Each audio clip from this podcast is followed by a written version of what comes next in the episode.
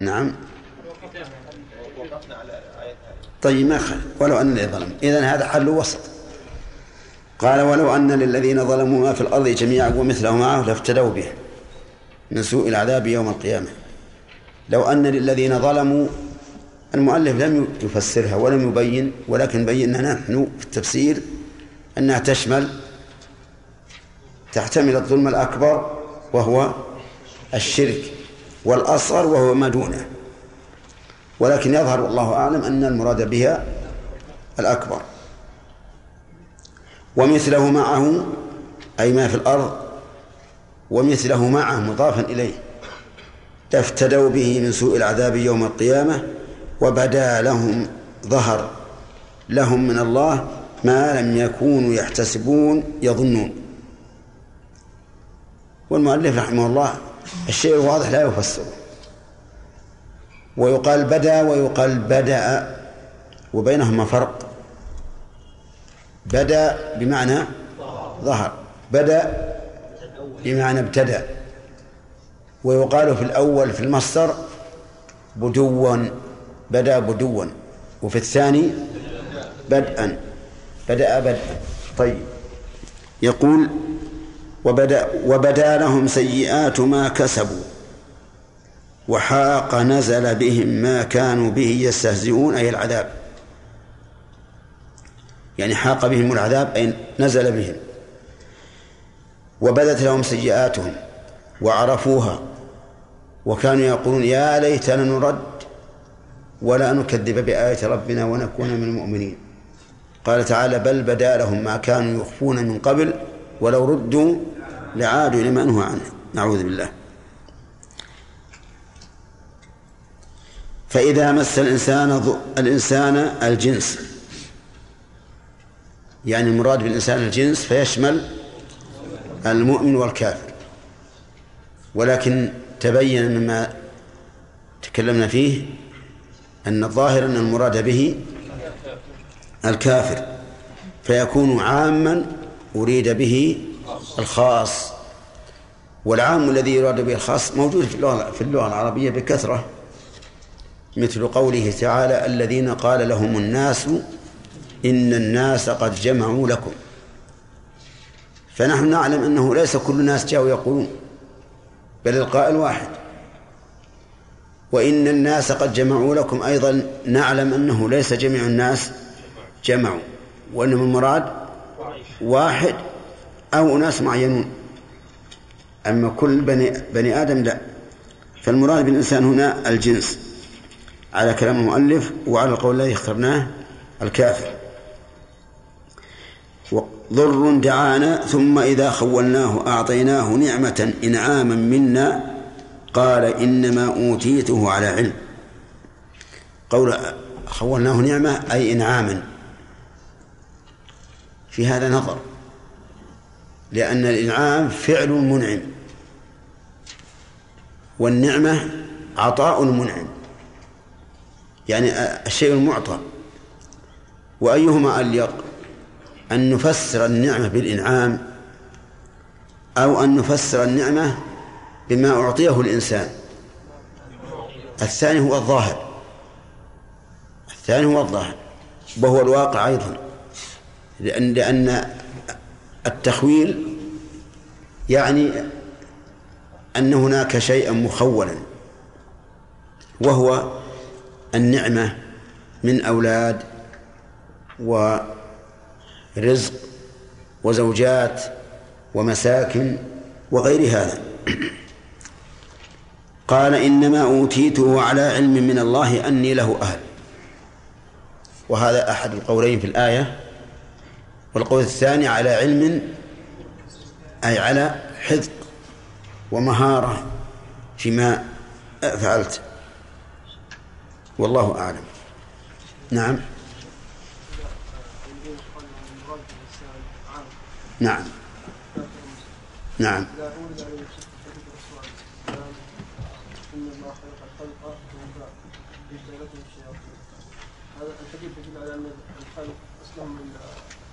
على الفطرة. نعم. يقولون هذا بعد بعد ما يخلق الإنسان. يميل إلى هذا الشيء لأن طبيعة الإنسان أنه يعني يعتز بنفسه ويفخر بنفسه وينسى غيره. لكن على كل حال ما ذكرناه هو الصواب. نعم.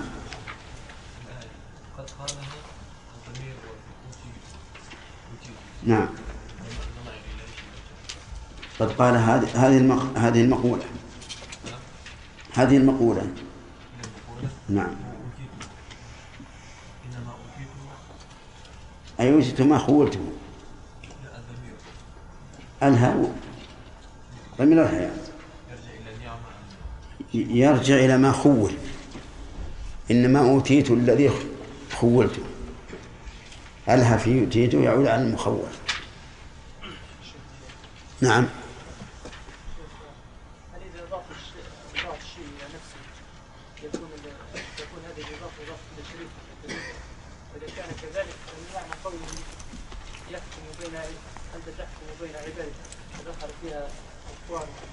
نعم.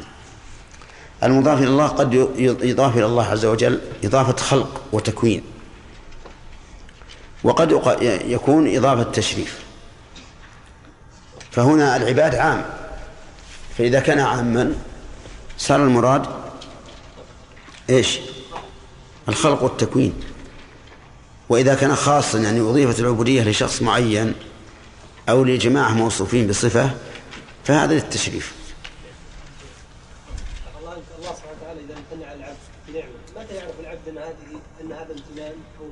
نعم. هذا السؤال سيأتينا إن شاء الله في في بيان الفوائد لكن يعرف ذلك إذا كان مقيما على طاعته فهو امتنان وإذا كان على العكس فهو امتحان. نعم.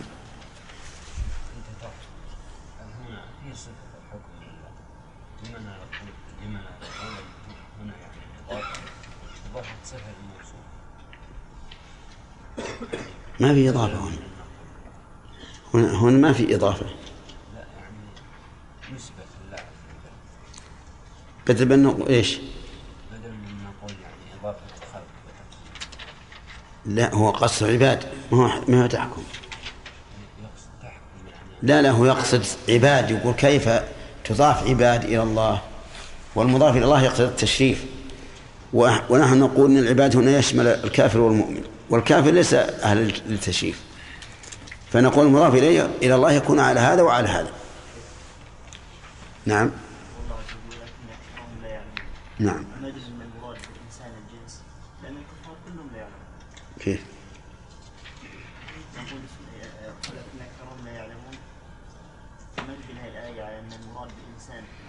لا لا في في بعض الكفار معاند. معاند يعلم حق ما هو عليه لكنه معاند. نعم. الذين ظلموا من هؤلاء سيصيبهم سيئات ما كسبوا وما هم بمعجزين. أولم يعلموا أن الله يبسط الرزق لمن يشاء ويقدر إن في ذلك لآيات لقوم يؤمنون. بس. أعوذ بالله من الشيطان الرجيم. أظن أننا نتكلم على تفسير المؤلف. قال الله قال الله سبحانه وتعالى فإذا مس الإنسان ضر دعانا ثم إذا خولناه نعمة منا قال إنما أوتيته على علم. بل هي فتنة ولكنهم ولكن أكثرهم لا يعلمون. إلى هنا أظن. ها؟ نعم. قال بل هي فتنة بل هي أي القولة فتنة بلية يبتلى بها العبد. هذا ما جرى عليه المؤلف أن المراد بالفتنة القولة التي قالها ولكن الصحيح أن الفتنة هي النعمة هي النعمة التي أعطاها الله إياه أو الحال التي كان عليها حينما كان قد مسه الضر ثم رفع الضر عنه وأبدل بنعمة. فهذه فتنة. يفتن الله بها العباد. قال الله تعالى ونبلوكم بالشر والخير فتنة وإلينا ترجعون. ولكن أكثرهم لا يعلمون أن التخويل استدراج وامتحان. ولكن أكثرهم أي أكثرها أكثر الناس وإنما عاد الضمير وهو غائب على مرجع غير مذكور للقرينة والسياق. ويحتمل أن المراد أكثرهم أي أكثر الإنسان أي بني الإنسان. فيكون الضمير هنا. عاد على الإنسان باعتبار المعنى لا باعتبار اللفظ. وقولها أن التخويل استدراج وامتحان. إذا قال قائل بماذا نعلم أن التخويل استدراج وامتحان فالجواب نعلم ذلك بكون الإنسان مصرا على المعصية ونعم الله سبحانه وتعالى تترى عليه. قال الله تعالى ولا يحسبن الذين كفروا أنما نملي لهم خير لأنفسهم إنما نملي لهم ليزدادوا إثما ولهم عذاب مهين. فهذه العلامة إذا رأيت الله ينعم عليك وأنت مقيم على معصيته فاعلم أن ذلك استدراج. أما إذا رأيت الله ينعم عليك وأنت قائم بطاعته فاعلم أن هذا من زيادة فضله و... ونعمه. قال الله تعالى لئن شكرتم لأزيدنكم. نعم. قد قالها الذين من قبلهم من الأمم كقارون وقومه وقومه الراضين بها أي بهذه المقالة. قد قالها الذين من قبلهم أي قالوا بعد أن أعطاهم الله النعم إنما أوتيته على علم عندي.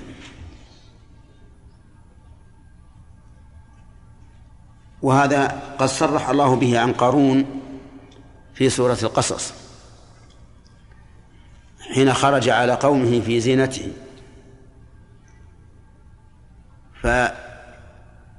فنصحوه وقالوا له لا تنس نصيبك من الدنيا وأحسن كما أحسن الله إليك ولا تبغي الفساد في الأرض إن الله لا يحب المفسدين قال إنما أوتيته على علم عندي فالمقالة هي المقالة وقد سبق أن الإنسان يعجب بعمله فيظن أن ما حصل له من النعم بسبب عمله مع أنه من فضل الله عز وجل. فما أغنى عنهم ما كانوا يكسبون. ما هذه نافية. وقد شرحناها فيما سبق. فأصابهم سيئات ما كسبوا أي جزاؤه. جزاؤها. فأصابهم سيئات ما كسبوا.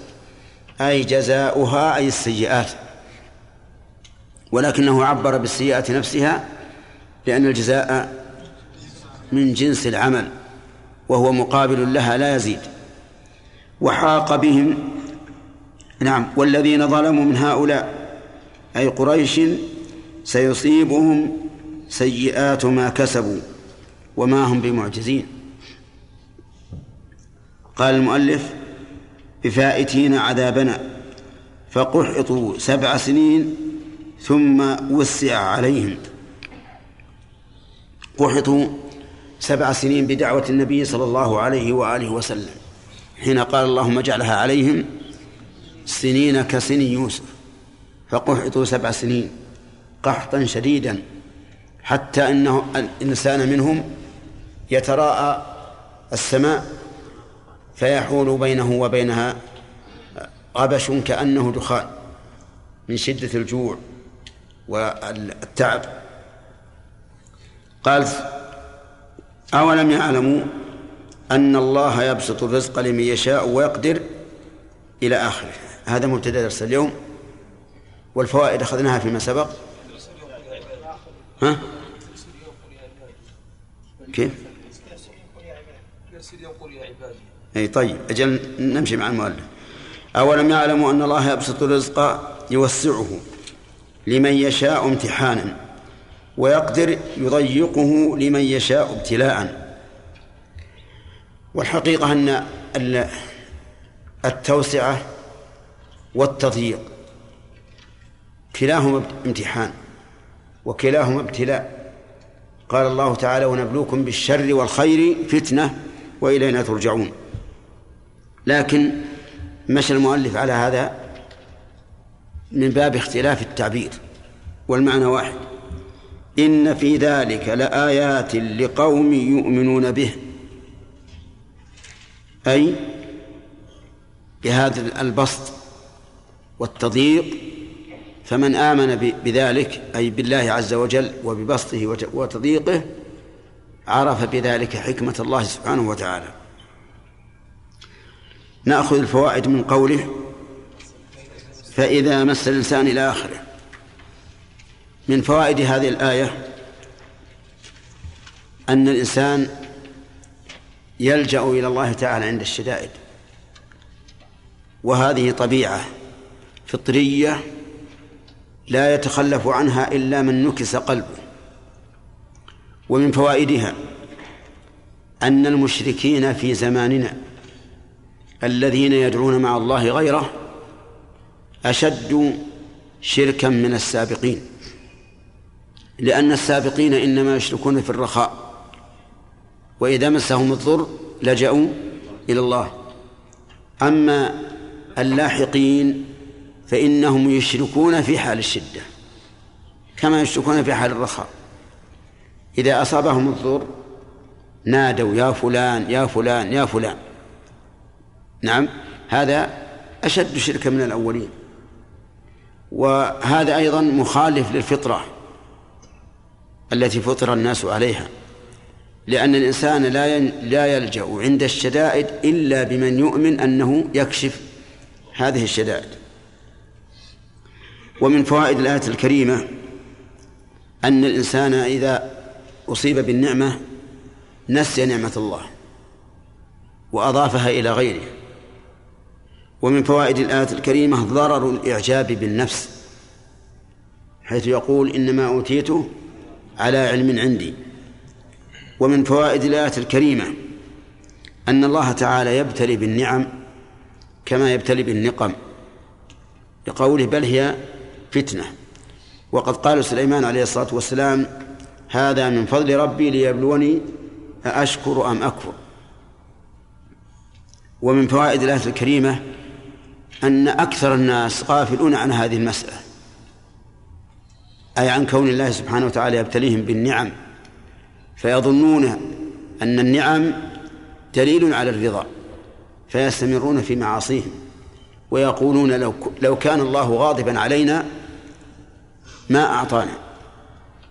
ولكن من العامة من يقول العبارة المشهورة عطاه لا يدل على على رضاه. عطاء الله لا يدل على رضاه قد يكون هذا من باب الاستدراج بالنعم حتى يهلك الإنسان. وقد قال الله تعالى ولا يحسبن الذين كفروا أنما نملي لهم خير لأنفسهم إنما نملي لهم ليزدادوا إثما. وصح عن النبي صلى الله عليه وآله وسلم أنه قال إن الله لا يملي للظالم حتى إذا أخذه لم يفلت. ومن فوائد هذه الآية الكريمة أن من الناس من من الله عليهم بالعلم والفراسة والتدبر والتأمل فعرفوا الأمور على حقائقها. يؤخذ هذا من قوله وأكثرهم فإن الأكثر ضده الأقل. ومن فوائد الآية الكريمة فضيلة العلم. لقوله لا يعلمون أي لأن الذين يعلمون يعرفون مثل هذه الأمور وأنها ابتلاء وامتحان فيتعظون بها. ثم قال تعالى قد قالها الذين من قبلهم فما أغنى عنهم ما كانوا يكسبون. من فوائد هذه الآية الكريمة أن الشر يتبع بعضه بعضا لقوله قد قالها الذين من قبلهم. ومن فوائدها تسلية الرسول صلى الله عليه وآله وسلم. فإن هؤلاء الذين قالوا هذا في في في عصره قد قاله من سبقهم. ومن فوائد هذه الآية الكريمة أن لأهل الشر قدوة قدوة يقتدون بها كما أن لأهل الخير قدوة يقتدون بها. ولهذا جاء في الحديث النبي صلى الله عليه وآله وسلم من سن في الإسلام سنة حسنة سنة حسنة فله أجرها وأجر من عمل بها إلى يوم القيامة. ومن سن في الإسلام سنة سيئة فعليه وزرها ووزر من عمل بها إلى يوم القيامة. ومن فوائد الآية الكريمة أن كل ما كسبه الإنسان من مال أو جاه فإنه لا يغنيه من الله شيئا. لقول فما أغنى عنهم ما كانوا يكسبون. حتى لو كسب أقوى صنعة في الأرض فإنها لا تغني عنه من الله شيئا. إذا أراد الله عز وجل أن يتلف هذه القوة أتلفها بكلمة واحدة منه. إنما أمره إذا أراد شيئا أن يقول له كن فيكون. ومن فوائد الآية الكريمة أنه يجب على الإنسان اللجوء إلى الله حيث إن جميع ما كسبه من مال أو جاه أو ولد أو زوجة أو غيره لا تغني عنه من الله شيئا إذن إلى من يرجع؟ إلى الله إلى الله عز وجل. ومن فوائد هذه الآية الكريمة الرد على الجبرية لقوله ما كانوا يكسبون. فإن فإن عمل الإنسان كسب له. أما الجبرية فيقولون إن عمل الإنسان ليس كسبا له لأنه مرغم عليه ومجبر عليه. فلا يكون كسبا له ولا يضاف إليه. ثم قال الله تعالى فأصابهم سيئات ما كسبوا والذين ظلموا من هؤلاء سيصيبهم سيئات ما كسبوا وما هم بمعجزين. في هذا في هذه الآية من الفوائد أن العقوبة تكون على قدر العمل لقول فأصابهم سيئات مع أن الذي أصابهم ليس السيئات ولكن جزاؤها إلا أنه لما كان الجزاء من جنس العمل صح أن يعبر بالعمل عنه. ومن فوائد هذه الآية الكريمة تهديد هؤلاء الذين كانوا في عهد النبي صلى الله عليه وآله وسلم أن يصيبهم ما أصاب الأولين. لقوله والذين ظلموا من هؤلاء سيصيبهم سيئات ما كسبوا. ومن فوائد هذه الآية شؤم الظلم لأنه يوقع صاحبه بالهلاك ومن فوائدها أن من عصى الله فهو ظالم ظالم لمن؟ ظالم لنفسه وكذلك لغيره إن تعدت معصيته إلى الغير فلو جنى على على أحد محترم من يهود من مسلم أو يهودي ذمي أو نصراني ذمي أو غيرهم من الكفر من من أهل الكفر الذميين فإنه يكون ظالما لنفسه وظالما لغيره. ومن فوائد الآية الكريمة أنه لا أحد يفوت الله ويعجزه لقوله وما هم بمعجزين. وقد قال الشاعر الجاهلي أين المفر والإله الطالب والأشرم المغلوب وليس الغالب؟ فلا أحد يعجز الله عز وجل أو يفوت الله لا في السماء ولا في الأرض. ثم قال تعالى أولم يعلموا أن الله يبسط, يبسط الرزق لمن يشاء ويقدر إن إلى آخره. ارتباط هذه الآية بما قبلها ظاهر لأنه تكلم عن الإنسان إذا أصابه الضر وإذا أصابته النعمة. ثم عقب ذلك بأن هذا الأمر كله بيد الله. من فوائد الآية الكريمة تقرير هؤلاء بأن كل شيء من عند الله. بسط الرزق وتضييقه من عند الله وهم يعلمون ذلك. لقوله أولم يعلموا؟ فإن مثل هذا التركيب يفيد التقرير ومن فوائدها إثبات المشيئة لله لقوله لمن يشاء وليعلم أن كل شيء علقه الله بالمشيئة فإنه مقرون بالحكمة أي أنه ليست مشيئة الله مشيئة مجردة هكذا تأتي عفوا لا هي مشيئة مقرونة بالحكمة والدليل على ذلك قوله تعالى وما تشاءون إلا أن يشاء الله إن الله كان عليما حكيما. فلما بين أن مشيئتهم بمشيئة الله بين أن ذلك مبني على علم وحكمة. ومن فوائد هذه الآية الكريمة أن الرزق لا يحصل بالشطارة.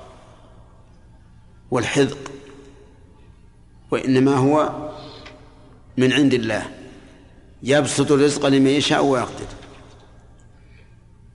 فإذا قلنا بهذه الفائدة أشكل علينا هل معنى ذلك أن نبطل الأسباب؟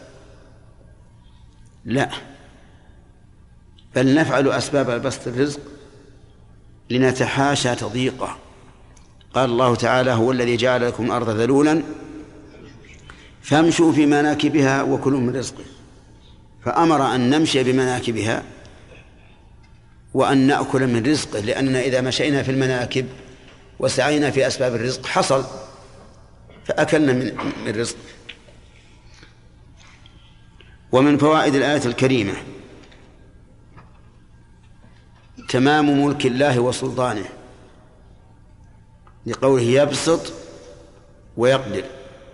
وهذا يدل على كمال الملك والسلطان وأنه لا معارض له سبحانه وتعالى. ومن فوائد الآية الكريمة أن الإيمان وسيلة للاهتداء ومعرفة الآيات لقوله إن في ذلك لآيات لقوم يؤمنون. وإذا كان هذا الحكم معلقا على هذا الوصف فإن القاعدة أن ما علق على وصف فإنه يقوى بقوته ويضعف بضعفه. هذه القاعدة. كل حكم علق على وصف فإنه يقوى بقوته ويضعف بضعفه. إذن كلما قوي الإيمان ظهر للإنسان من آيات الله ما لم يظهر له مع ضعف الإيمان. وكلما ضعف الإيمان ضعفت آه، معرفة الإنسان وإدراكه للآيات التي ينزلها الله عز وجل من الوحي والتي يقدرها من من القضاء.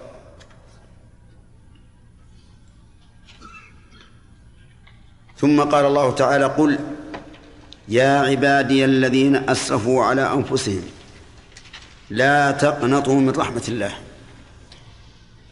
قل يعني أبلغ عبادي بذلك. أبلغهم بأني أقول يا عبادي. ولا يصح أن نقول قل أنت يا محمد يا عبادي فتضيف العبادة إلى نفسك. لا المعنى أبلغ عبادي أني أقول يا عبادي الذين أسرفوا على أنفسهم. ولماذا قلنا بهذا التفسير؟ لأن النبي صلى الله عليه وآله وسلم لو قال للناس يا عبادي الذين أسرفوا على أنفسهم فإنه لا يستقيم الكلام. ولكن المعنى قل للناس أي أبلغهم بأني أقول يا عبادي الذين أسرفوا على أنفسهم لا تقنطوا من رحمة الله. وقراءة أخرى لا تقنطوا. وقوله يا عبادي يشمل العباد بالمعنى الخاص والعباد بالمعنى العام. يعني حتى الكفار يقال لهم مثل هذا القول. وقول الذين أسرفوا على أنفسهم أي جاوزوا الحد في رعاية الأنفس. والواجب على الإنسان في رعاية نفسه أن يرعاها حق رعايتها بحيث يقوم بما يصلحها ويتجنب ما يفسدها. فإذا لم يفعل فقد أسرف على نفسه. مثال ذلك رجل سرق. السرقة هذه إسراف على النفس. لأن الواجب حماية النفس من السرقة. رجل شرب الخمر هذا إسراف على النفس. رجل سجد لصنم إسراف على النفس. لأنه مجاوزة للحد. لا تقنطوا من رحمة الله. القنوط واليأس معناهما متقارب لكنهم فرقوا بينهما بأن القنوط أشد اليأس. وأما اليأس فمعروف أن أنه عدم الرجاء وعدم الأمل في حصول الشيء. لا تقنطوا من رحمة الله. من رحمة الله لكم. فرحمة هنا مضافة إلى الفاعل أو إلى المفعول. إلى الفاعل. أي من رحمة الله إياكم. وبماذا تكون الرحمة؟ تكون الرحمة بأن يهدي الله عز وجل الرجل إلى التوبة والاستغفار ويتوب عليه. فأنت لا تقنط. من رحمة الله لا بنفسك ولا بغيرك ولكن افعل السبب. فلو قال قائل مسرف على نفسه أنا لا أقنط من رحمة الله ولكنه يفعل المعصية مستمر عليها. نقول هذا هذا غلط. لأنك إذا استمررت على المعصية فأنت آمن من مكر الله.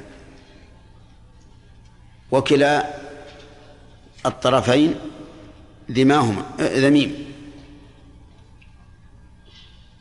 لا القنوط من رحمة الله ولا الأمن من مكر الله. لكن نقول افعل السبب. افعل السبب ولا تقنط من رحمة الله. إن الله يغفر الذنوب جميعا لمن تاب من الشرك. إنه هو الغفور الرحيم. إن الله يغفر الذنوب يغفر أي يسترها ويتجاوز عنها وذلك لأن الغفر المغفرة مشتقة من المغفرة مشتقة من إيش؟ من الأخ من هي مشتقة؟ المغفرة كيف؟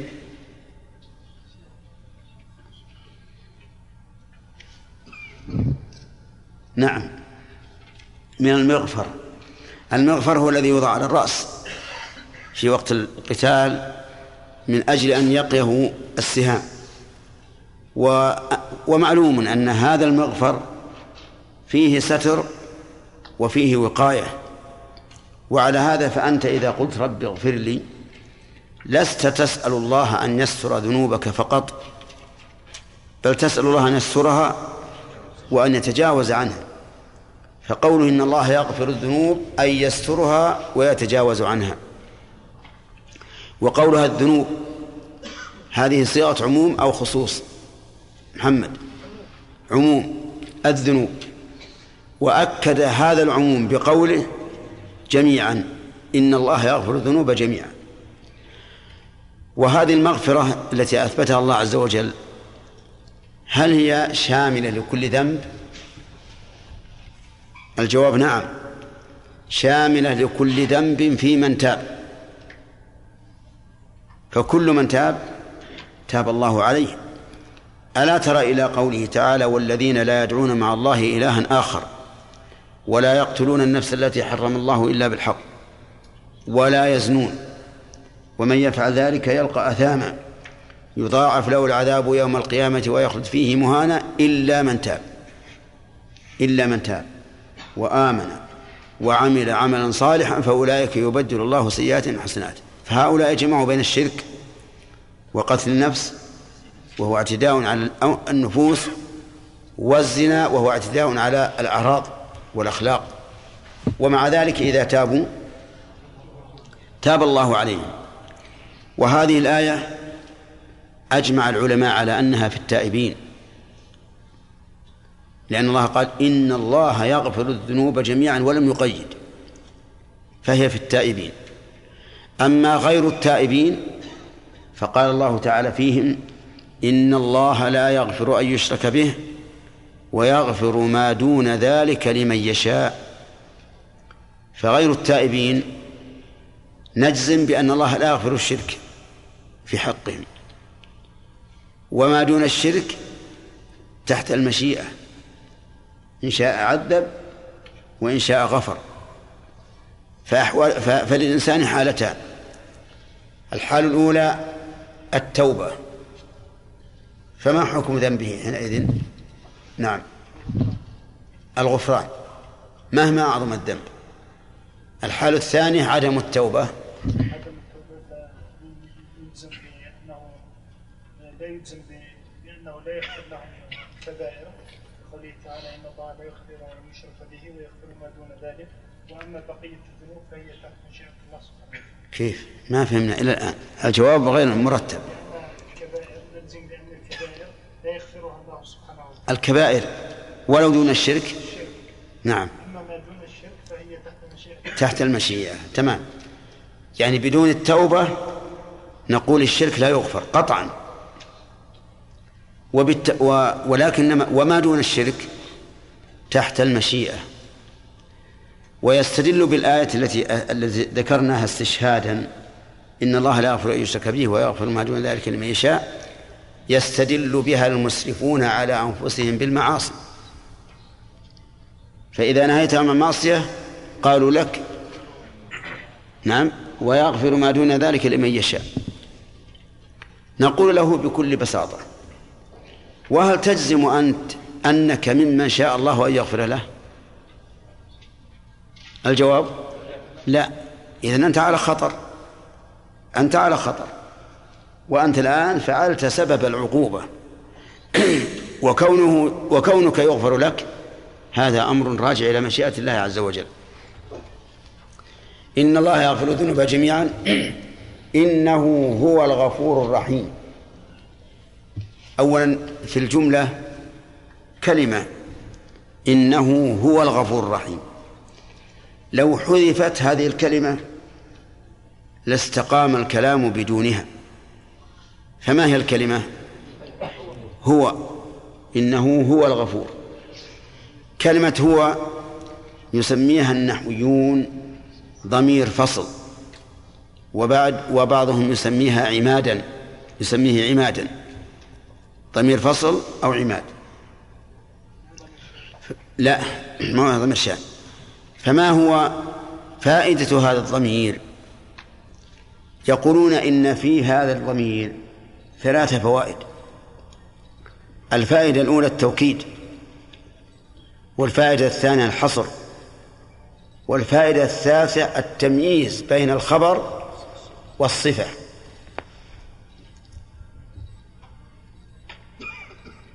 مثاله إذا قلت زيد هو الفاضل الضمير في هو ضمير فصل. لو قلت زيد الفاضل وحذفت الضمير لا استقام الكلام لكن يحتمل أن يكون الفاضل صفة والخبر منتظر. ويحتمل أن يكون الفاضل هو الخبر. أليس كذلك؟ فإذا قلت زيد هو الفاضل ارتفع الاحتمال الأول وهو أن تكون أن تكون الفاضل صفة. وتعين الاحتمال الثاني وهي أن تكون خبرا.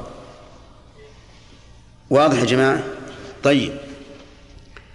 ما الذي ما الذي استفدنا من, من هذا التركيب؟ زيد هو الفاضل.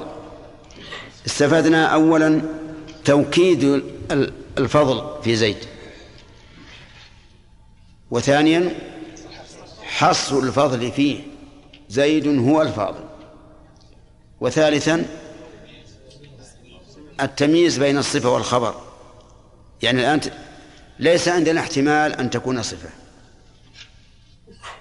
هذا من حيث المعنى في ضمير الفصل. من حيث الإعراب هل هو اسم أو حرف؟ الصحيح أنه حرف لا محل له من الإعراب.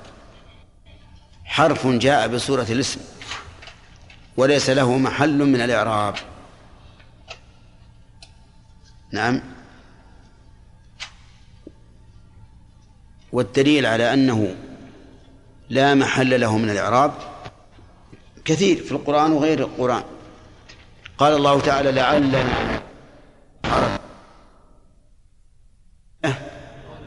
إن كانوا هم الغالبون. لأنه إذا كان له محل من الإعراب صار محله الرفع وما بعده خبر.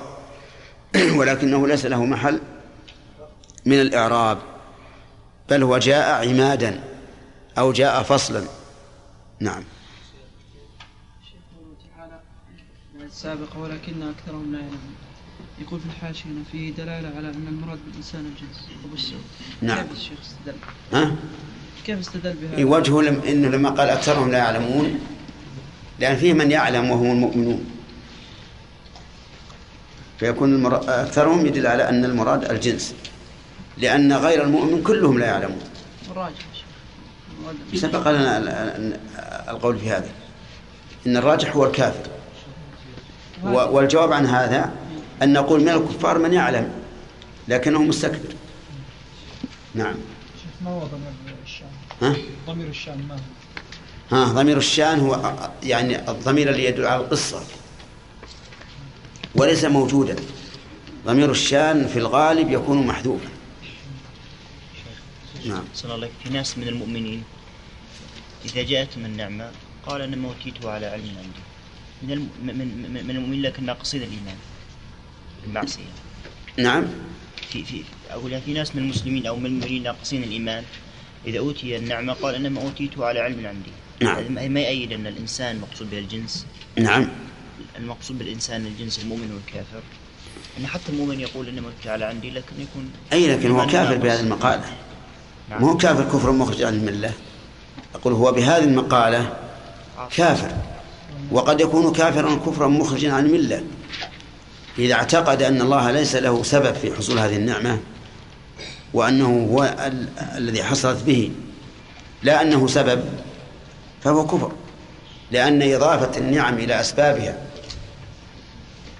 بالإعراض عن المسبب وهو الله وادعاء أو اعتقاد أن هذه النعمة ليس لله فيها علاقة هذا كفر. كفر بالربوبية. يعيد؟ هل يجزم الإنسان إذا تاب من الذنب أن الله عز وجل إيش؟ هل يجزم الإنسان إذا تاب من الذنب لأن الله تاب عليه؟ ألا يمكن أن يكون موانع التوبة؟ وأنا تبت من هذا الذنب فتاب الله عليه. نعم. نقول نعم إذا إذا تبت توبة نصوحة فإن الله يقبلها. لكن من الذي يقول إن توبته نصوح؟ المشكل الذي سيكون من فعل العبد لا من فعل الرب فالرب إذا وقع فعل العبد على ما يرضى حصل موعوده لأن الله لا يخلف الميعاد. لكن الذي يكون محل إشكال هو فعل العبد. هل هذه التوبة توبة نصوح على حسب ما رسم في الشرع؟ فنحن نجزم. لكن قد يكون في قلب الإنسان بلع. يكون عنده شيء من الرياء يكون شيء عنده شيء من المن على الله عز وجل وغير ذلك من الأسباب. تكون التوبة غير نصوح مثلا يتوب الإنسان مثلا من, من نظر المرأة الأجنبية. لكنه لا يتوب من غمز المرأة الأجنبية. التوبة الأولى تقبل ولا ما تقبل؟ ما تقبل. لا تقبل. لأنه ما تاب ما تاب من الذنب الذي هو من جنس ذنبه. يتوب الإنسان مثلا من أكل الربا ربا النسيئة ولكنه يرابي ربا الفضل. هذا غير نصوح. ولهذا نقول من تاب إلى الله توبة نصوحا فإنه مقبول التوبة. ومن اختل فيه النصح فليس مقبول التوبة. قال الله تبارك وتعالى قل يا عبادي الذين أسرفوا على أنفسهم لا تقنطوا من رحمة الله. ما المراد بالإسراف يا عبيد الله؟ أسرفوا على أنفسهم. ها؟ إيش؟ جلوا. جنوا ظلموا؟ إيه. نعم. صحيح. جاوزوا الحد في رعايتها. وذلك بأن أوقعوها في المعاصي أو جنبوها الطاعات. قوله لا تقنطوا. معناها؟ القنوط أشد اليأس. طيب يعني ما تيأسوا من رحمة الله. جملة إن الله يغفر الذنوب جميعا موقعها مما قبلها يا عبد الله.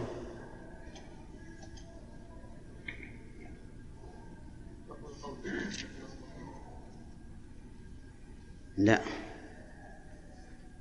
أظن ما ذكرناها إي طيب. هل هذه الآية في عموم العص- العصاة في التائبين. إيه. أجمع الم- المفسرون على أنها في التائبين. غير التائبين ما حالهم يا أخ؟ نعم. ما حالهم؟ إي نعم هي تختلف. لكن كيف الاختلاف؟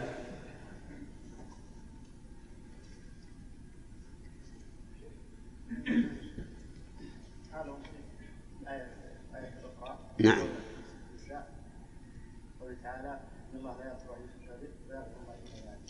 لمن يشاء. أحسنت. هذه حاله قوله إنه هو الغفور الرحيم. الغفور معناه؟ الغفور الذي ويتجاوز عنه أحسنت. لماذا زدت ويتجاوز عنه؟ المعنى اللغوي مشتق آه. لأنه من المخبر وهو الذي يستر الرأس بارك الله فيك. آه، ناخذ الدرس الآن جديد. قال الله تعالى قل يا عبادي الذين أسرفوا على أنفسهم لا تقنطوا من رحمة الله. أوردنا إشكالا أمس على قوله قل يا عبادي. يعني أمر الله, الله الرسول أن يقول يا عبادي.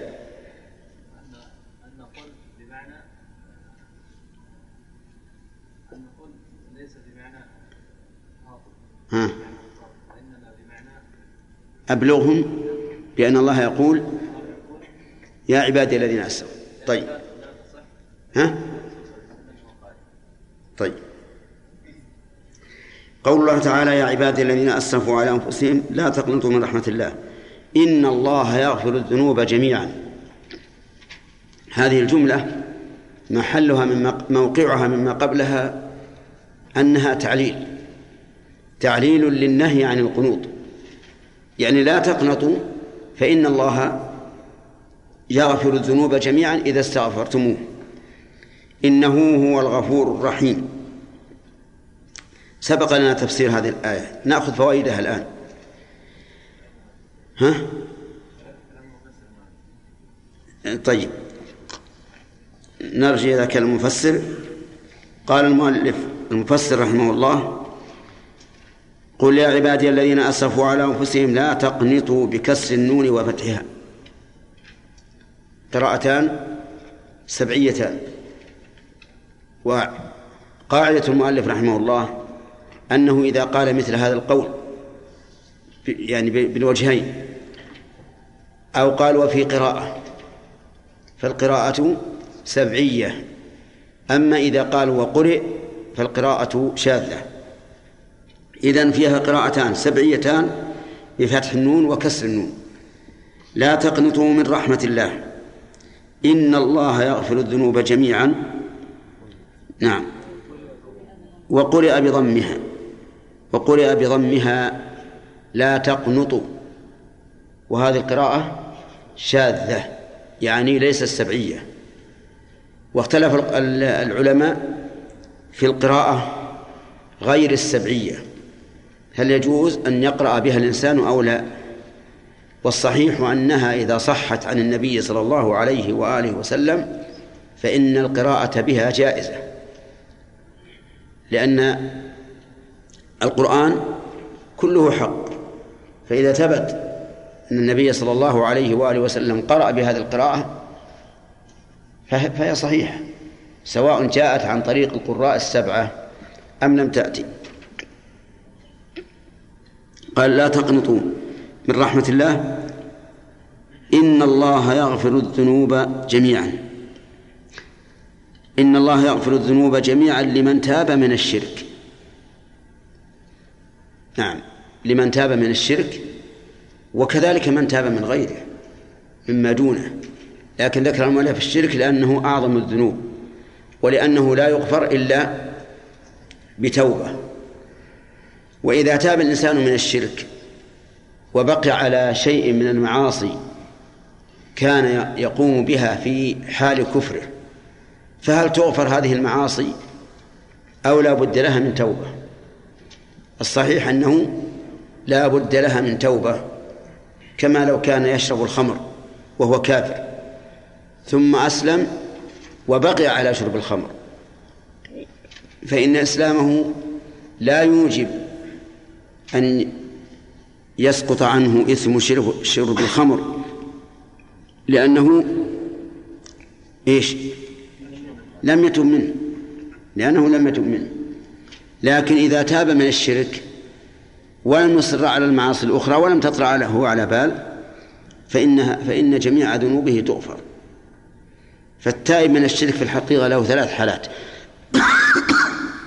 إما أن يستحضر أنه تاب من الشرك ومن جميع المعاصي التي كان يعملها فهذا لا شك في أن توبته تعم ها؟ كل ذنب. وإما أن يتوب من الشرك مع الإصرار على بعض المعاصي التي كان يفعلها في حال الشرك فهنا لا تغفر له هذه المعاصي التي أصر عليها لأنه استمر فيها. مثل أن يكون معتادا لشرب الخمر في حال كفره فيسلم وهو مصر على شرب الخمر. فإنه لا يغفر له ما قد سلف من الذنوب. قل للذين كفروا إن ينتهوا يغفر لهم ما قد سلف. الثالث الحالة الثالثة أن يتوب من الشرك ولم يطرأ على باله بقية المعاصي لكنه لم يفعلها بعد إسلامه. فهنا إيش؟ يغفر له. يغفر له جميع الذنوب. لأنها تندمج الصغار, الصغار بالكبار فيغفر له جميع الذنوب. نعم إنه هو الغفور الرحيم. انتهى انتهت الآية. وقوله إن الله إنه هو الغفور الرحيم تعليل لقوله إن الله يغفر الذنوب جميعا وإن الله يغفر الذنوب جميعا تعليل لقوله لا تقنطوا من رحمة الله فهو تعليل لتعليل. من فوائد هذه الآية الكريمة عناية الله عز وجل بهذا بهذا الأمر أي بإبلاغ عباده أنه يغفر الذنوب جميعا. نعم. أخفض نعم. آه، عناية الله تعالى بهذه بهذه الجملة أو بهذا بهذا الأمر حيث أمر نبيه أمرا خاصا بأن يبلغ الناس بأن يبلغ الناس هذه القضية. انتبهوا. القرآن كله قد أمر النبي صلى الله عليه وسلم أن يبلغه. يا أيها الرسول بلغ ما أنزل إليك من ربك. لكن هناك أشياء خاصة ينص الله عليها. أن يبلغها. وهذا يقتضي العناية بها. مثل قل للمؤمنين يغضوا من أبصارهم وقل للمؤمنات يغضضن من أبصارهن. قل يا عبادي الذين أسرفوا على أنفسهم. هذه توصية خاصة بأن يبلغها الرسول صلى الله عليه وسلم إلى الأمة فيقتضي ذلك العناية بها. انتبهوا لهذه النقطة. قد لا تكون مرت عليكم من زمان قريب. أقول إذا صدر الله الحكم بقل فهو دليل على إيش؟ على العناية به لأن هذا أمر بإبلاغه على وجه الخصوص. أما القرآن فقد أمر أن يبلغه على سبيل العموم. يا أيها الرسول بلغ ما أنزل إليك من ربك. من فوائد الآية الكريمة أن الخلق كلهم عباد الله. قل يا عبادي الذين أسرفوا لأن العباد هنا المراد بها العبادة العامة. من فوائد هذه الآية الكريمة أن من تاب إلى الله تاب الله عليه. من الشرك فما دونه. وهذا أمر مجمع عليه. لكن اختلف العلماء فيما في من قتل نفسا عمدا. هل له من توبة؟ فروي عن ابن عباس رضي الله عنهما أنه لا توبة لقاتل أنه لا توبة لقاتل. فأخذ بها بعض العلماء وقالوا إن القاتل لا توبة له ولو تاب. ولكن هذا ليس بصحيح لأنه مخالف للآيات والأحاديث الدالة على قبول توبة التائب من من الشرك فما دونه. ويدل على بطلان هذا القول قوله تعالى والذين لا يدعون مع الله إلها آخر ولا يقتلون النفس التي حرم الله إلا بالحق ولا يزنون ومن يفعل ذلك يلقى أثاما يضاعف له العذاب يوم القيامة ويخلد فيه مهانا إلا من تاب وآمن وعمل عملا صالحا فأولئك يبدل الله سيئات حسنات وكان الله غفورا رحيما فهنا ذكر الله القتل وذكر الشرك وذكر الزنا وأخبر أن من تاب وعمل وآمن وعمل عملا صالحا فيعطى زيادة على توبته بأن يبدل الله سيئاته حسنات. ومن السنة ما قصه علينا رسول الله صلى الله عليه وآله وسلم عن رجل قتل تسعة تسعة وتسعين نفسا. رجل أسرف على نفسه. فقتل تسعا وتسعين نفسا. ثم سأل عابدا من العباد هل له من توبة؟ وقد قالت وقد قتل تسعا وتسعين نفسا فاستعظم العابد هذا الذنب. وقال مالك توبة. تقتل تسعا وتسعين نفسا ثم تأتي تقول لي توبة؟ مالك توبة. قال نكمل بك المئة. فقتله. أتم به المئة. ثم دل على عالم. فقيل فسأله قال إنه قتل مئة نفس. فهل له من توبة؟ قال نعم. ومن يحول بينك وبين التوبة؟ وهذا يدلكم على فضل العلم وعلى قبح الجهل. شوف الجهل جنى على نفسه الجاهل. جنى على نفسه وأيس هذا الآخر من من رحمة الله. فكان جزاؤه أن قتل. فقال له العالم نعم ومن يحول بينك وبين التوبة؟ ولكن أنت في قرية أهلها ظالمون. اذهب إلى القرية الفلانية. يعني فإنها مرتع خصب لك. فذهب وفي أثناء الطريق جاءه الموت. فأرسل الله إليه ملائكة الرحمة وملائكة العذاب. فتنازعوا. ملائكة الرحمة تقول أنا أقبض روحه لأن الرجل جاء تائبا مهاجرا وملائكة العذاب قالت لا أنا أقبض روحه لأنه لأن الرجل مسرف ولم يصل إلى بلده التي هاجر إليها. فأرسل فأرسل الله إليهم حكما يحكم بينهم. وقال قيسوا ما بين القريتين فإلى أيتهما كان أقرب فهو من أهلها. فقاسوا فوجدوه أقرب إلى إلى القرية الصالحة بقليل بنحو شبر. وقد قيل إنه كان إلى إلى غير الصالحة أقرب لكنه في أثناء الموت في سياق الموت لشدة رغبته ب- في في الأرض الصالحة أهلها كان يزحزح نفسه وهو في سياق الموت. فقابضته ملائكة الرحمة. قالوا فإذا كان هذا في الأمم السابقة فهذه الأمة أكرم الله منها من الأمم السابقة كيف لا يكون لها توبة للقاتل توبة؟ إذن القول الراجح أن الآية هذه عامة حتى للقاتل. له توبة. وقد حمل ابن ابن القيم رحمه الله ما روي عن ابن عباس محملا حسنا فقال إن قتل العمد تتعلق به ثلاثة حقوق حق الله وحق الميت وحق أوليائه. أما حق الله فإنها فإن فإنه يسقط بالتوبة بل- بلا أشكال. ولا يخفى مثل هذا على ابن عباس رضي الله عنهما. وأما حق الميت فلا يمكن إسقاطه الآن في الدنيا لأنه انتقل عن الدنيا وسيطالب بحقه يوم القيامة. وأما حق أولياء المقتول فبأن يسلم نفسه لهم. إذا سلم نفسه لهم فهذا دليل على صدق توبته وتبرأ ذمته. هذا ما وجهه ابن القيم رحمه الله هذا ما وجه ابن القيم كلام ابن عباس إليه. وعندي أنه إذا تاب تاب الله عليه حتى عن حق الميت المقتول.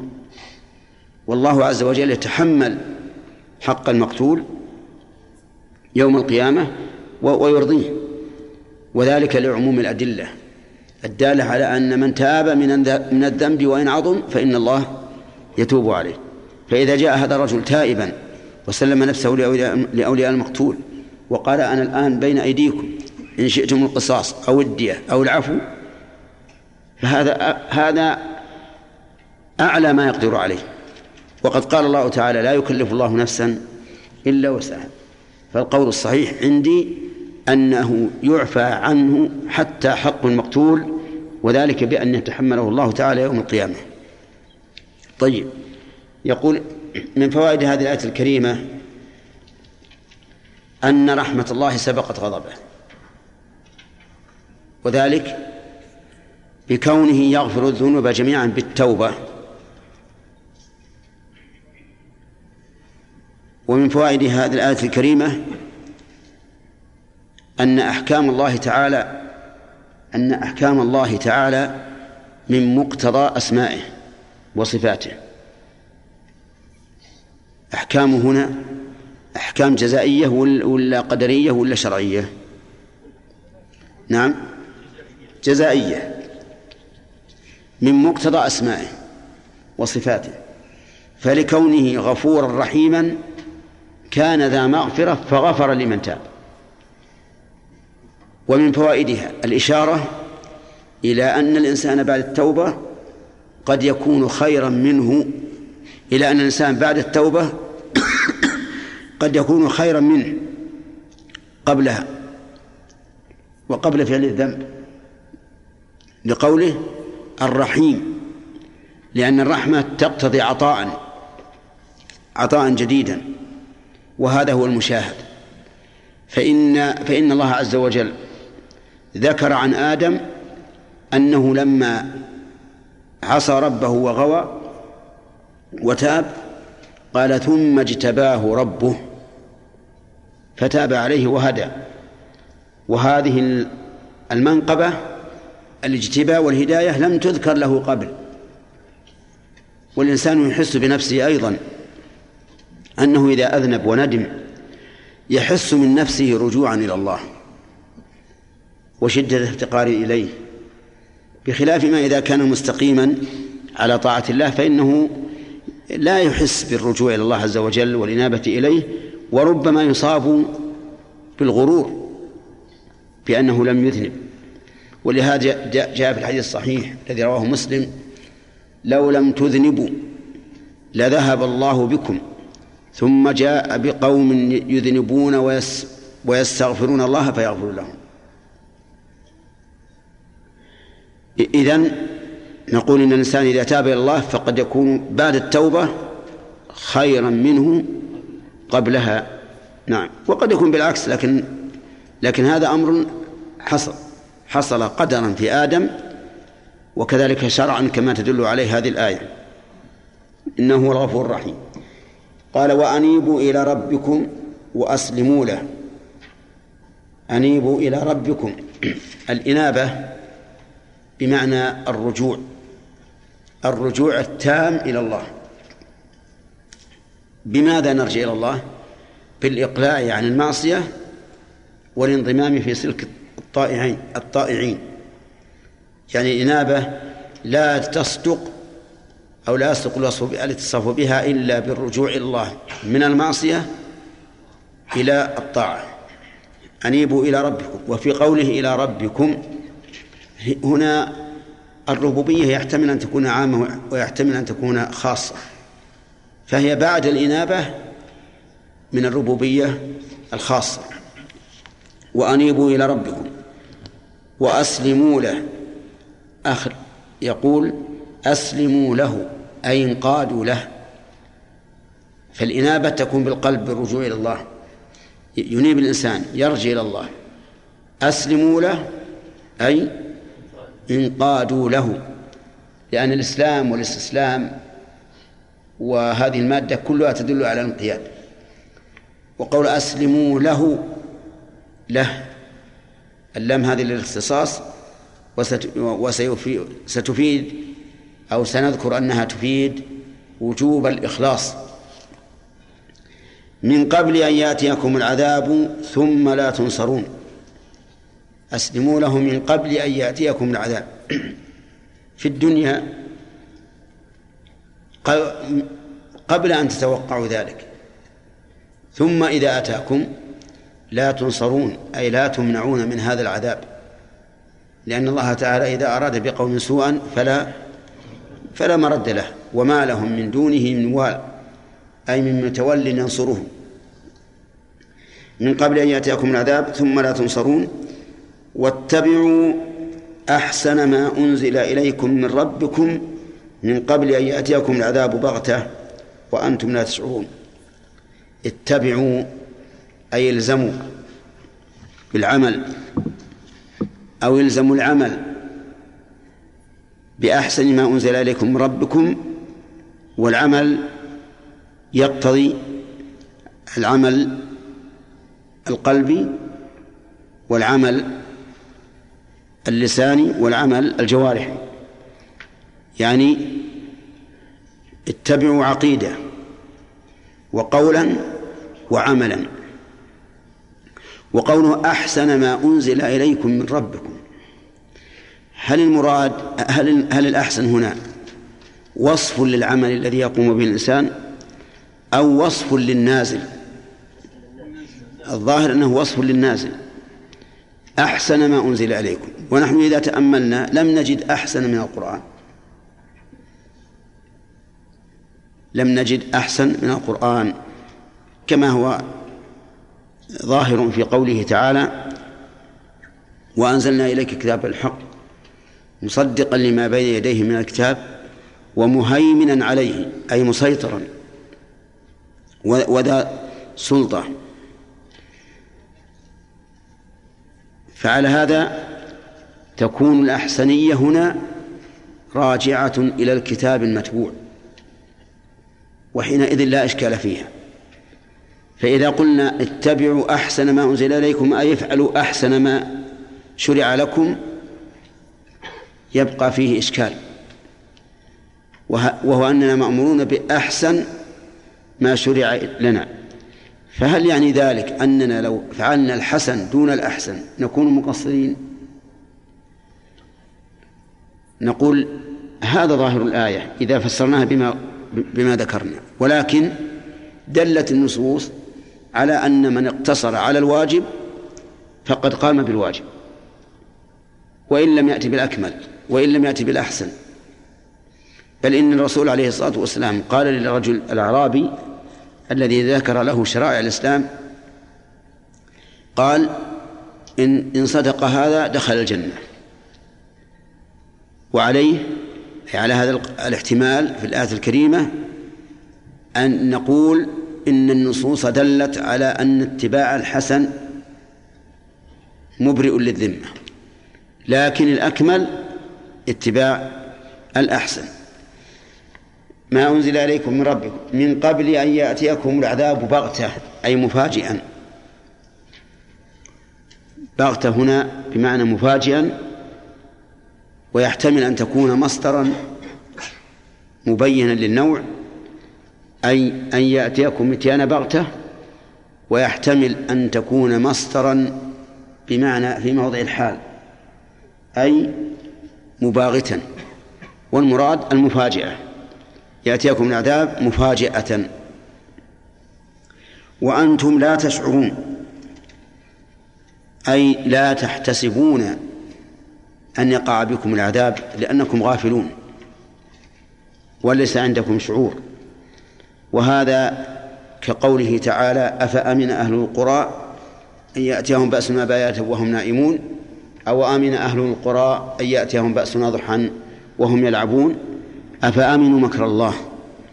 فلا يأمن مكر الله إلا القوم الخاسرون والغالب أن من انهمك بالمعاصي نسي الخالق ونسي العذاب فيأتيه العذاب وهو في أشد ما يكون انغماسا في المعاصي والترف.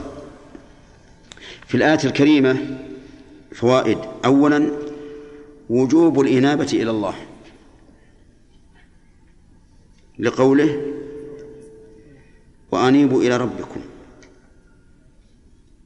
و ومن فوائدها وجوب الإخلاص.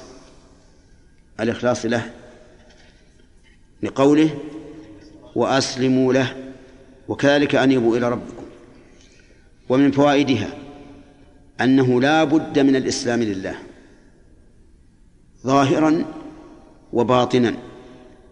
فمن أسلم قلبه لله لكنه نعم فمن أسلم قلبه لله لزم أن يسلم جوارحه لله. لقول النبي صلى الله عليه وآله وسلم ألا وإن في الجسد مضغة؟ إذا صلحت صلح الجسد كله وإذا فسدت فسد الجسد كله. ومن أسلم ظاهرا لا باطنا فإن إسلامه لا ينفعه كإسلام المنافقين. فالإسلام يكون في الباطن ويتبعه الإسلام في الظاهر ويكون في الظاهر دون الباطن. وهل يكون في الباطن دون الظاهر؟ لا. كيف يكون في الباطن دون الظاهر؟ لأنه إذا أسلم لله قلبه أسلمت جوارحه ألا وإن في الجسد مضغة؟ إذا إذا صلح صلح الجسد كله وإذا فسدت فسد الجسد كله. وأما المكره فهو لا حكم لفعله لأنه سقط عنه التكليف. طيب ومن فوائد الآية الكريمة الحذر من المخالفة. الحذر من نزول العذاب عند المخالفة. لقوله من قبل أن يأتيكم العذاب. ومن يأمن من عذاب الله؟ لا أحد يأمن. فأنت إذا لم تتب إلى الله مبادرة فإن العذاب ربما ينزل بك. ومن فوائد هذه الآية الكريمة أنه إذا نزل العذاب من عند الله فلا أحد يمنعه. لقوله ثم لا تنصرون وتأمل قوله ثم لا تنصرون ثم أتى بثم الدالة على المهلة. يعني مهما طلبتم من ناصر وطالت مدة طلبكم للناصر فإن فإنكم لن تجدوا من ينصركم من عذاب الله. ومن فوائد الآية الثانية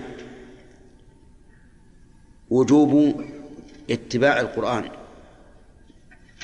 وجوب اتباع القرآن لقوله اتبعوا ما أحسن أحسن ما أنزل إليكم من ربكم ومن فوائدها تحريم اتباع غير القرآن. لأنه إذا وجب اتباع القرآن فضده حرام. ولكن إذا قال قائل هل تقولون إن شرع ما قبل من قبلنا شرع لنا؟ فالجواب أن في ذلك خلافا. بين أهل العلم من أهل الأصول. والصحيح أنه شرع لنا ما لم يرد شرعنا بخلافه. ونحن نتبع شرع من قبلنا لا لأنه شرع من قبلنا ولكن لأن شرعنا دلنا على العمل به. وأدلة ذلك معروفة في أصول الفقه. منها قوله تعالى أولئك الذين هدى الله فبهداه مقتده ومنها قوله تعالى لقد كان في قصصهم عبرة لأولي الألباب. ومنها قوله تعالى قد كانت لكم أسوة حسنة في إبراهيم والذين معه. المهم أن القول الراجح أن شريعة من قبلنا شرع لنا بشرعنا ما لم يرد شرعنا بخلافه. فإن ورد شرعنا بخلافه فهو مطرح.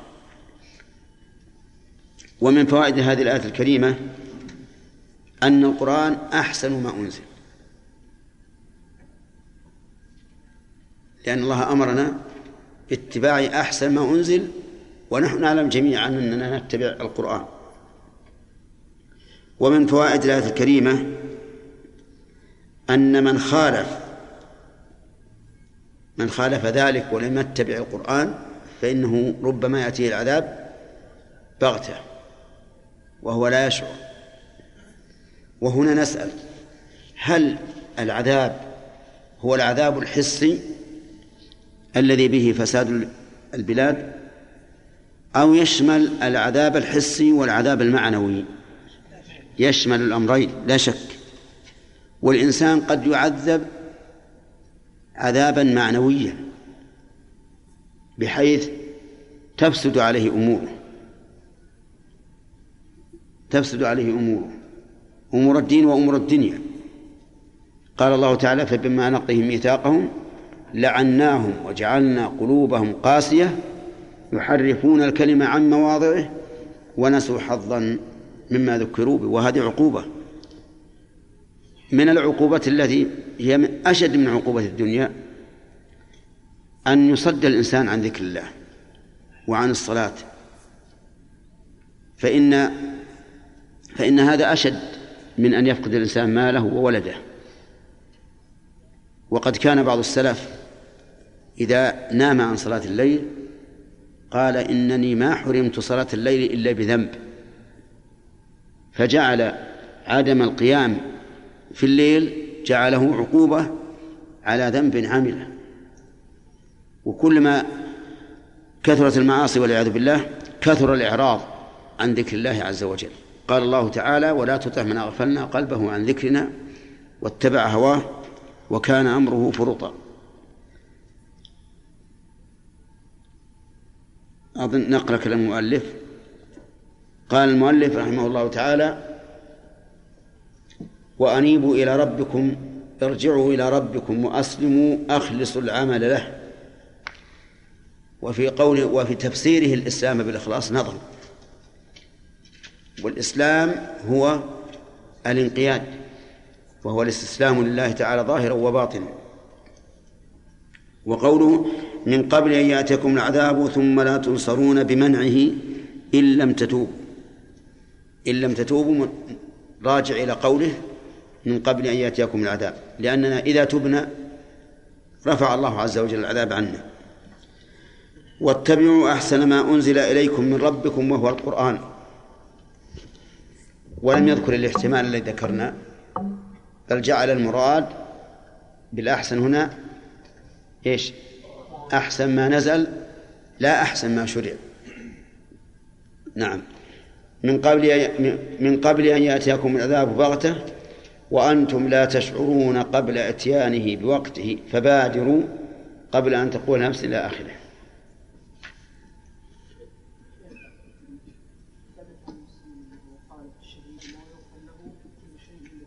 نعم. نعم. نعم.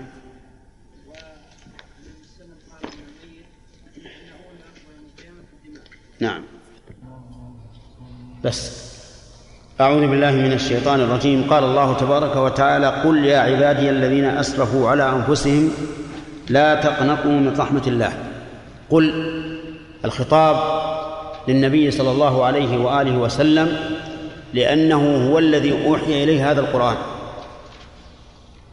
واعلم أن القرآن كله قد قيل للنبي صلى الله عليه وسلم فيه قل لكن بعضه يصرح فيه بقل وبعضه لا يصرح لأن قوله تعالى يا أيها الرسول بلغ ما أنزل إليك من ربك يعم القرآن كله فيجب عليه أن يقول للناس القرآن كله لكن بعض الآيات أو بعض الأحكام تصدر بقل للعناية بذلك أي بذلك الحكم المصدر بقل.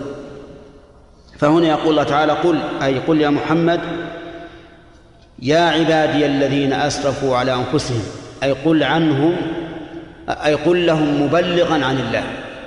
أن الله قال يا عبادي الذين أسرفوا على أنفسهم لا تقنطوا من رحمة الله.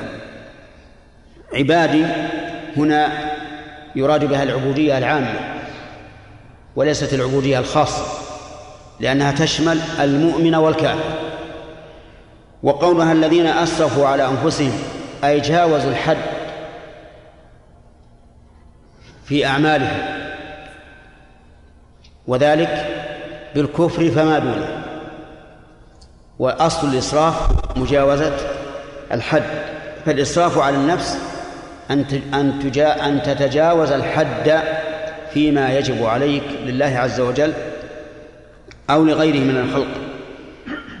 لا تقنطوا بكسر النون وفتحها وقرئ بضمها ففيها ثلاث قراءات قراءتان سبعيتان وقراءة شاذة ليست سبعية لأن مصطلح مؤلف الجلالين إذا قال في قراءة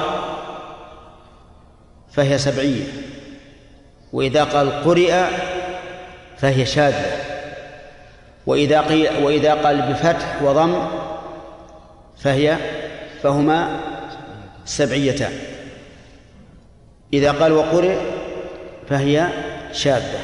ففيها الآن تقنط في النون ثلاث حركات. تقنط تقنط وهاتان. سبعيتان. تقنط هذه شاذة.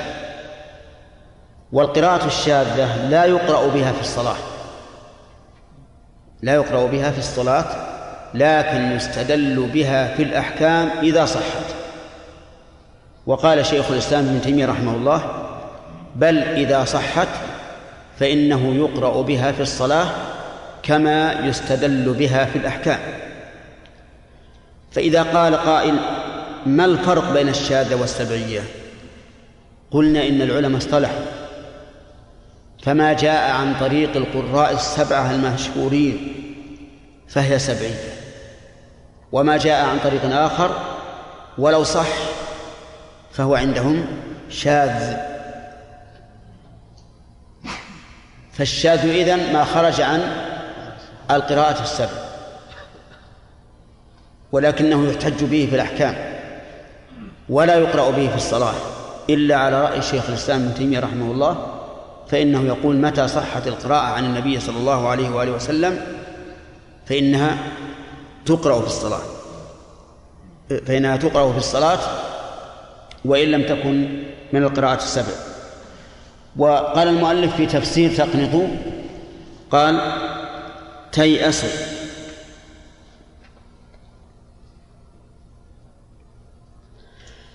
والصحيح أن هذا التفسير تقريب لأن القنوط أشد اليأس. فهو فهو أعلى درجات اليأس. فمعنى تقنط أي يبلغ بكم اليأس أشده. من رحمة الله يعني من أن يرحمكم الله عز وجل. لأن الإنسان إذا قنط من رحمة الله وأيس لم يتعرض للرحمة. لم يتعرض للرحمة لأنه آيس. ولهذا يقال اليأس مفتاح الترك. حاول مثلا يعني أضرب لكم مثلا حاول أن تحل عقدة من خيط. فإذا أعيتك ماذا تصنع؟ تتركها. تتركها. إذا أيست منها تركتها. لكن بالنسبة لرحمة الله عز وجل لا تيأس. مهما عملت من الذنوب والمعاصي فلا تيأس. وقوله عز وجل إن الله يغفر الذنوب جميعا. نعم من رحمة الله قلنا معناها من أن يرحمك الله. لا تيأس من أن يرحمك الله. بل حاول أن تتعرض لرحمته. فهنا نهي وتعليل. النهي لا تقنطوا من رحمة الله. التعليل إن الله يغفر الذنوب جميعا. إن الله يغفر الذنوب جميعا. يغفر مأخوذ من المغفرة وهي ستر الذنب والتجاوز عنه. هذه المغفرة ستر الذنب والتجاوز عنه. وليست مجرد الستر لأنها مأخوذة من المغفر وهو ما يوضع على الرأس عند الجهاد للوقاية فهو جامع لأمرين الستر نعم والوقاية. فمثلا الغترة هذه لا نسميها مغفرا الطاقية لا مع أنها ساترة لكنها ليست ليست واقعة. لكن بيضة الحديد التي توضع على الرأس عند القتال نسميها مغفرا ليش؟ لأنها ساترة واقية فمغفرة الذنوب سترها والتجاوز عنها. فأنت إذا قلت اللهم اغفر لي تسأل الله شيئين. أن يستر ذنوبك عن غيرك عن نعم. والثانية أن يتجاوز الله عنها. وقول يغفر الذنوب جميعا كامل للصغائر والكبائر. ولهذا قال العلماء إن هذه الآية في التائبين. وقوله تعالى إن الله لا يغفر أن يشرك به ويغفر ما دون ذلك لمن يشاء في غير التائبين. وهذا صحيح. لأن الكبائر لا يغفرها الله عز وجل لأن الشرك لا يغفره الله تعالى إلا بتوبة. فإذا قلنا بالعموم في قوله إن الله يغفر الذنوب جميعا فلا بد أن نقول إن هذه في في من؟ في التائبين. ما هي في كل إنسان؟ المشرك لا يغفر الله له قطعا. لكن إذا تاب غفر الله له مهما عظم شركه. إن الله يغفر الذنوب جميعا. إنه هو الغفور الرحيم. إنه هو الغفور الرحيم. الجملة تعليل للحكم الذي قبلها وهو إن الله يغفر الذنوب جميعا. والجملة هنا مؤكدة بمؤكدين. هما إن وهو إنه هو الغفور الرحيم. أما كون إن مؤكدة فظاهر لأن إن من أدوات التوكيد. وأما هو فهو أيضا من أدوات التوكيد لأنه ضمير فصل لأنه ضمير فصل. ما معنى قول ضمير فصل؟ ضمير فصل يفصل بين المبتدأ والخبر. ويفيد التوكيد. ويفيد أيضا الحصر. ويفيد الفصل الذي هو التمييز بين الخبر والصفة فهو مفيد لثلاثة أمور. يعني ضمير الفصل له ثلاث فوائد. الأولى التوكيد والثانية الحصر والثالثة التمييز بين الصفة والخبر. التمييز بين الصفة والخبر. فوائد عقيلة ما هي؟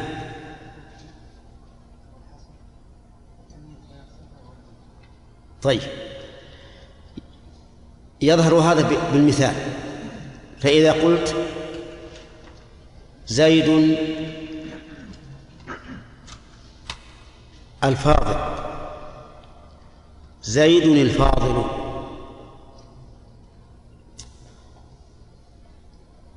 فهنا يحتمل أن تكون الفاضل صفة لزيد وأن نتلقى الخبر فيما بعد. فيقال زيد الفاضل في المسجد. فإذا قلت زيد هو الفاضل ها تعين أن تكون خبرا. فتميز الآن الخبر من الصفة بواسطة هو.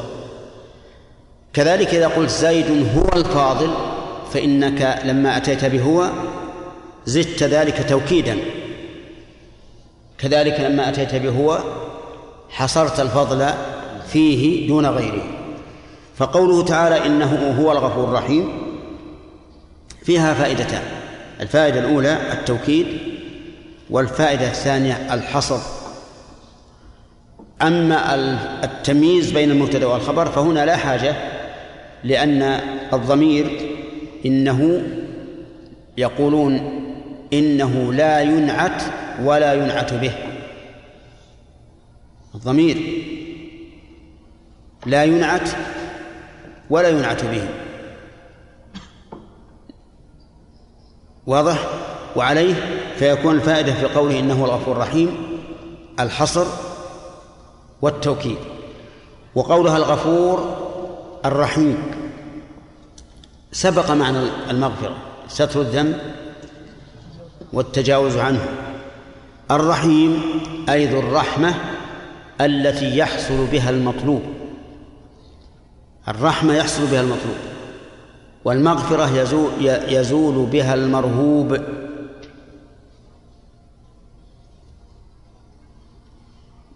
فالجمع بين الاسمين الكريمين يفيد إيش؟ يفيد السعادة الكاملة. النجاة من المرهوب في قوله الغفور. الغفور. لأن هذا مغفرة الذنب حصول المطلوب في قوله الرحيم. لأن الرحمة يحصل بها المطلوب والخيرات والنعم.